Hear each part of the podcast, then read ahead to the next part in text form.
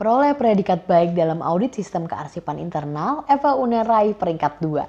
Sistem kearsipan merupakan cara penyusunan dalam menyimpan arsip secara logis dan sistematis sesuai dengan menggunakan identitas yang dibubuhkan kepada dokumen berupa urutan abjad, nomor, ataupun kombinasi. Sistem ini digunakan untuk mempermudah dalam penyimpanan dan menemukan kembali dokumen yang telah diarsipkan.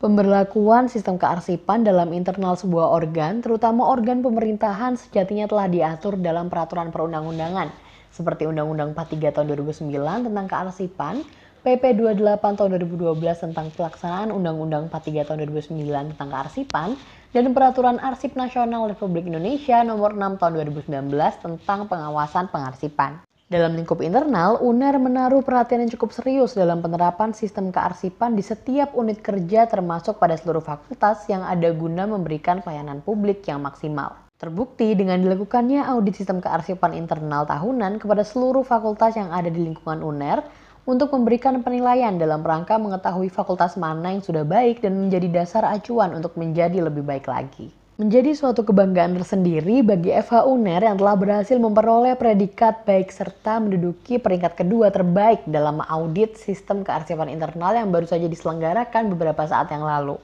FH hanya dikalahkan oleh FIB dengan perolehan poin yang tidak terpaut terlalu jauh dalam lingkup internal UNER.